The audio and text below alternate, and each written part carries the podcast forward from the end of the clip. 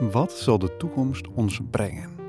Dat onderzoekt de Stichting Literaire Activiteiten Amsterdam in de serie De Verwachting. Eind vorig jaar vroeg de SLA zeven schrijvers hun licht te laten schijnen op wat komen gaat. Sophie Derksen van de correspondent ging vervolgens met ze in gesprek. In aflevering 3 Lin Berger. Lin schrijft over technologie en cultuur voor de correspondent. En momenteel werkt ze aan een boek over broertjes en zusjes en het krijgen van een tweede kind. En dus in deze aflevering Lin en de tweede. Vraag iemand waarom hij of zij een kind wil. En het antwoord is waarschijnlijk een lastig te ontwarren kluwe van verlangen, nieuwsgierigheid en iets met de natuur. Vraag waarom iemand er nog één zou wensen en de reden is doorgaans een stuk eenvoudiger. Je eerste kind, hoorde ik toen ik rond en zwaar en hoogzwanger was, je eerste kind krijg je voor jezelf. Maar de tweede, die krijg je voor de eerste. We zaten aan de rand van de zandbak toen. Het was zomer en mijn dochter was met schepjes in de weer. En wie het precies zei, weet ik niet meer. Mijn eigen moeder, misschien. Wat ik me wel herinner is wat die woorden bij me opriepen. Een nieuwe lading vragen en een lichte zenuwachtigheid. Acht maanden eerder hadden we in de badkamer gezeten. Ik op de wc, mijn vriend en dochter op de koude tegelvloer. Over vijf dagen zouden we haar tweede verjaardag vieren. Test had ik op de wastafel gelegd, het schermpje naar beneden gericht voor extra suspense. Twee minuten wachten. Toen ik het staafje omdraaide, vertelde het me wat ik eigenlijk al wist, wat mijn lichaam al had begrepen. Mijn vriend lachte voorzichtig, ik ook, en ik geloof dat we allebei zochten naar een passende reactie, één die recht zou doen aan de grootsheid van de onthulling. Maar mijn dochter werd ongeduldig. Ze wilde naar buiten, door naar de volgende gebeurtenis, een andere ruimte. En om het moment nog een beetje te rekken, maakte ik nog gauw een foto, haastig en enigszins onscherp. Op die foto houdt mijn vriend de test met één hand omhoog en rust zijn andere hand om het middel van onze dochter. Zij blikt fronsend de camera in, één armpje dramatisch tegen haar voorhoofd geslagen. Die test zei haar niets, natuurlijk, maar een projectie is snel gemaakt. En nog steeds lees ik, wanneer ik naar die foto kijk, in haar uitdrukking iets omineuzers dan de aflopende spanningsboog van een peuter. Irritatie misschien om wat we hadden gedaan, of bezorgdheid om wat er stond te gebeuren. Mijn tweede zwangerschap was gepland en gewenst. Net als veel andere ouders gunde ik mijn dochter een broertje of zusje. Konden ze samen spelen. Minder altruïstische motieven had ik ook. Ik wilde het nog eens meemaken. De transformatie van het lichaam, een freakshow met mijzelf in een van de hoofdrollen, gevolgd door alles wat daarna zou komen. Het vasthouden van een pasgeboren baby, de verwondering over diens ontplooiing, het leren kennen van dat nieuwe wezen. Net als de eerste keer maakte de ontdekking, of eigenlijk de bevestiging dat ik in verwachting was, me naast opgetogen vooral opgewonden. Ik herkende het tintelende, nerveuze gevoel dat je krijgt wanneer je ja hebt gezegd tegen iets groots, waarvan je de gevolgen niet kan overzien. Het gevoel ook wanneer je iets weet dat voor de rest van de wereld nog geheim is. dit gevoel hield dagen aan. Maar in tegenstelling tot de eerste keer maakte de opwinding vrij snel daarna plaats voor vragen en gevoelens waar ik niet op had gerekend. Terwijl mijn zoon in mijn binnenste begon aan een duizelingwekkende ontwikkeling van klompjes cellen naar prehistorisch weekdier naar voetes, begon ik me af te vragen wat zijn aanstaande komst eigenlijk betekende. Ik vroeg me af wat het betekende voor mijn dochter dat zij straks niet meer de solitaire ontvanger zou zijn van onze tijd en aandacht, niet meer ons enige object van affectie. En ik vroeg me af wat het betekende voor mijn zoon dat hij geboren zou worden in een gezin dat al bestond, al een modus operandi had gevonden. En dat zich daarom niet zonder meer om zijn verlangens en behoeftes heen zou kunnen plooien, of dat misschien ook niet zou willen. En wat als de eerste en de tweede niet met elkaar overweg konden? Als het gedroomde speelkameraadje zich zou ontpoppen tot rivaal? Aan het einde van de winter werden de bewegingen van mijn zoon voor het eerst waarneembaar in mijn buik. Ze begonnen als lastig te duiden trillingen, zwak als de ondergrondse signalen van een aardbeving aan de andere kant van het continent. Al gauw gingen ze over in strelingen en die strelingen werden het onmiskenbaar koppeltje duikelen van een mens in miniatuur. Maak je geen zorgen, zeiden die duikelingen. Ik beweeg, ik leef, ik ben onderweg. Hier had ik naar uitgekeken. Maar in plaats van me gerust te stellen, maakte deze sensatie dat mijn ongerustheid zich juist uitbreidde. Van het kind dat ik al had naar het kind dat ik verwachtte.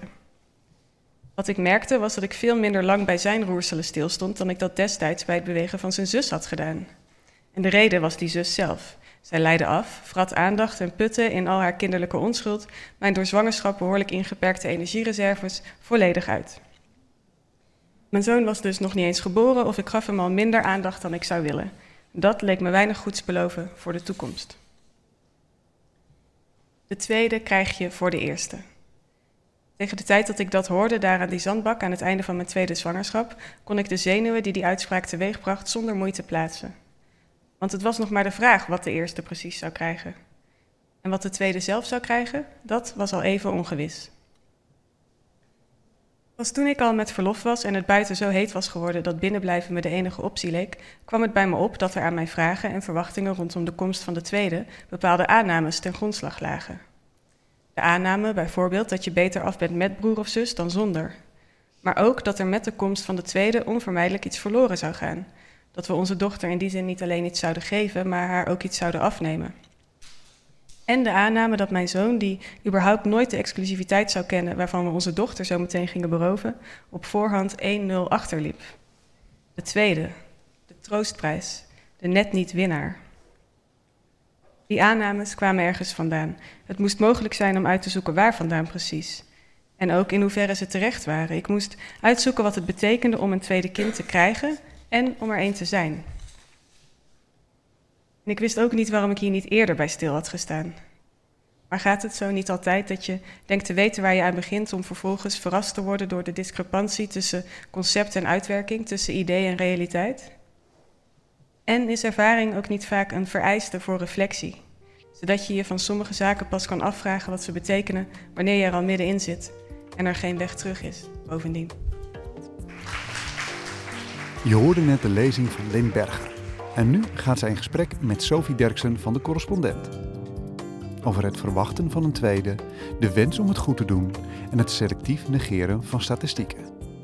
Uh, Lin, je schrijft over technologie en cultuur voor de correspondent. En ik denk dat we wel mogen onthullen dat wat je net voorlas uh, een opmaat is of een deel uit het, het, grote project waaraan je nu werkt, een boek hè? Ja. over ja, um, de tweede eigenlijk, broertjes en zusjes en het krijgen van een tweede kind. Ja. Vat ik zo goed samen?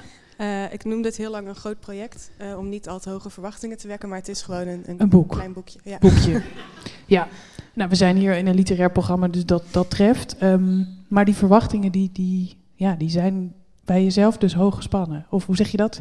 Je, als je het een boek noemt, is de verwachting schrikwekkender? Ja, dan, dan gaan mensen wachten op een boek en als het dan mislukt, dan is er geen boek. Uh, dus ja, ik heb beter een project. ja, dat kan alles zijn. Ja performance Iedereen art. is altijd ja. uh, bezig met projecten, dus dat ja. leek me veiliger. En wat was het moment dat je dacht, nu durf ik het een boek te noemen? Uh, nou, er is nu een omslag en uh, een verschijningsdatum. Dus een omslag van het boek? Ja, ja niet in jou. Nee, oké. Okay. Ja. Um, ja, dus dan, dan ja. Kan maar goed, het moet alsnog er komen. Ja. Heb je daar nu, kijk je daar met vertrouwen naartoe? met angst en beven, maar het komt er wel. Ja, ja, maar dus die omslag heeft ook in jou wel plaatsgevonden? Ja. Oké, nou, we gaan misschien um, nu dus een beetje preluderen op de inzichten die je gaandeweg uh, als schrijvend aan het boek hebt opgedaan. Je zegt in je verhaal, he, je, je, bent verrast door die discrepantie tussen idee en realiteit, ervaring ook als vereiste voor reflectie. Um, maar ook kennis als, als vereiste voor reflectie. Want interessant genoeg ben je niet alleen je eigen aannames gaan onderzoeken, maar ook bij de wetenschap te raden gegaan wat die er eigenlijk wel niet over wist en te zeggen had. Um, maar misschien even bij jouzelf en jouw eigen bevragen beginnend. Um, begrijp ik je goed dat je bij de tweede keer van je zwangerschap eigenlijk meer vragen had? Of had je vooral andere vragen? Ja, vooral andere vragen. Um, ik dacht gewoon, ik heb één kind, ik wil er nog één. Dus we gaan het allemaal nog een keer meemaken. Um, maar de tweede keer is natuurlijk anders dan de eerste keer. Want het is niet meer nieuw. Het is niet, niet het grote, overdonderende, onbekende wonder. Um, en er komen andere vragen bij kijken die ook betrekking hebben op dat eerste kind. Um, en bij mijn eerste zwangerschap nou, waren er boekenkasten vol uh, over moederschap en wat dat betekent. Dus daar heb ik gewoon heel veel gelezen.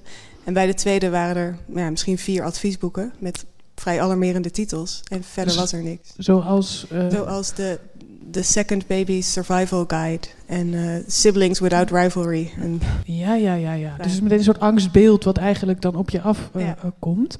nou, heb jij je wel in die eh, eh, al dan niet eh angst inboezemende eh, boeken gestoord, of de wetenschap? Want er is zoiets als siblingswetenschap, ja, Sibling Science. sibling science. Ehm, wat is nou een inzicht dat je daaruit hebt vergaard en in hoeverre heeft misschien het weten daarover ook je eigen ervaring veranderd?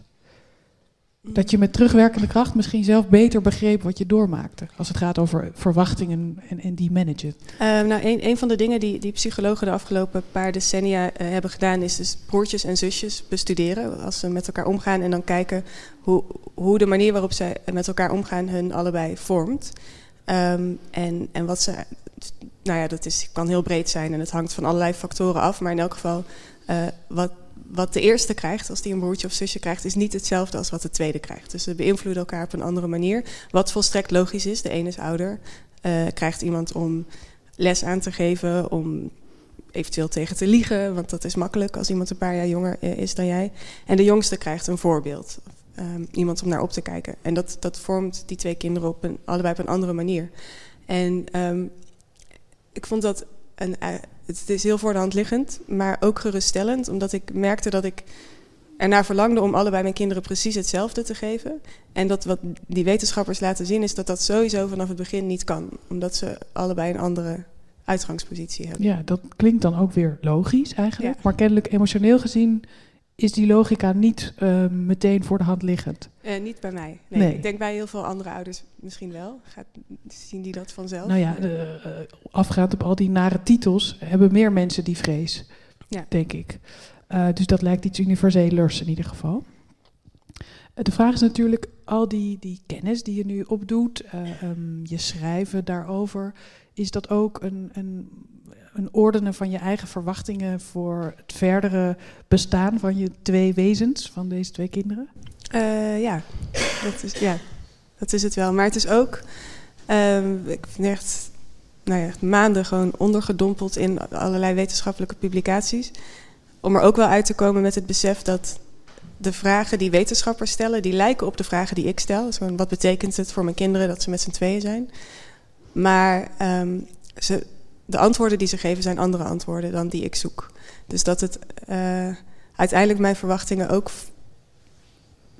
ik kan ze er deels aan koppelen, maar voor een groot deel ook. Kan je zo'n voorbeeld noemen van een, van een wetenschapper die met een antwoord komt waar jij eigenlijk zelf niet zo heel veel mee kan, om het modern te zeggen? Ehm, nou, ja, bijvoorbeeld wetenschappers hebben dan ontdekt dat eh, tweede kinderen gemiddeld eh, een drie IQ-punten minder scoren dan eerste kinderen. Ja. En dat is eh, gemiddeld en het zegt niet zoveel. Ehm, en dus zo zijn er, nou, eh, tweede kinderen ehm, doen het gemiddeld iets minder goed op school dan eerste kinderen. Eerste kinderen zijn gemiddeld ietsje langer. Eh, tweede kinderen hebben een iets kleinere kans op astma en eczeem. Er zijn allemaal gemiddelde en kansen eh, die niks zeggen over het in, de twee individuele kinderen die ik heb en waarvoor ik eigenlijk antwoorden zoek. Voor hen of voor jezelf? Ja, voor mezelf over hen. ja. Dus, dus dat is het. De wetenschap geeft heel veel, maar niet iets specifieks. Maar zoek je naar handvatten hoe je met hen om moet gaan? Of hoe je hen met alle verwachtingen die er misschien aan jouw kant leven en überhaupt in de wereld, voor hen hoe je ze daarop voor moet bereiden? Wat is het precies wat je zoekt? Eh, handvatten, maar ook misschien een soort ehm, geruststelling dat, het, dat we er goed aan hebben gedaan om, om een tweede te krijgen. Eh, ja. Want die geruststelling is er niet in het wezen van dat tweede kind. In het Eh, zijn. Ja, die is daar ook. Maar zeker toen die er nog niet was. Zou het wel fijn zijn als iemand jou zegt, Lin, dat is goed wat Ja. je gedaan hebt. Eh, zijn er ook allerlei wetenschappen over derde en vierde kinderen? Minder. En dat is vooral, denk ik, ehm, eh, het, het, is, kost veel tijd om gezinnen te observeren. En als er meer dan twee kinderen zijn, is het ingewikkeld om ze te observeren. Eh, dus al, ja, het meeste psychologisch onderzoek gaat echt naar gezinnen met twee kinderen. Hmm. Oké, dus dat ja, pleit er dan weer voor als je die bevestiging nodig hebt om het daarbij te, te laten wellicht. Maar dat is buiten het bestek van deze bijeenkomst. Ehm, wat ik me afvroeg was hoe je net naar Marja hebt geluisterd. Want jij schrijft over technologie en cultuur. En Marja zegt, ja, ik verhoud me eigenlijk niet zo heel erg graag tot, tot al die toekomstvisioenen en, en wetenschap. En, ehm, hoe is dat voor jou? Ehm, nee, ik herken dat wel. Ik heb Uh, ik vind toekomstvisioenen interessant, maar dan vooral in historisch perspectief. Dan is het uh, namelijk al gebeurd. Nou, ook. En ook dat ik denk, al die, die wilde fantasieën over de mens over 50 jaar, hoe, die lijken vaak heel erg op de fantasieën die in de 19e eeuw uh, erop na werden gehouden, bijvoorbeeld. Dus ik vind het dan juist eigenlijk leuk om de toekomst te zien als iets wat heel erg voortborduurt op en lijkt op het verleden. En is het leuk of is het ook vooral geruststellend? Oh ja, het is ook geruststellend, ja. Maar ik vind het ook heel leuk. Een soort de beperking laat zien van ons voorstellingsvermogen. Die principiële onvermogens die we toch allemaal maar weer blijken te, ja. te hebben. Ik wil je danken, Lien Berger. En zeg, zeg even wanneer je boek komt. Dan uh, verhogen we de druk nog iets. Ja, 23 februari. Kijk, nou, dan weet u dat in ieder geval vast te vinden. Dit was het derde deel van De Verwachting. Een reeks lezingen en gesprekken opgenomen op het Brainwash Festival in de Agnietenkapel te Amsterdam. Met hartelijke dank aan Lin Berger en Sophie Derksen. De Verwachting is onderdeel van de Slaakast, een podcast van de Stichting Literaire Activiteiten Amsterdam.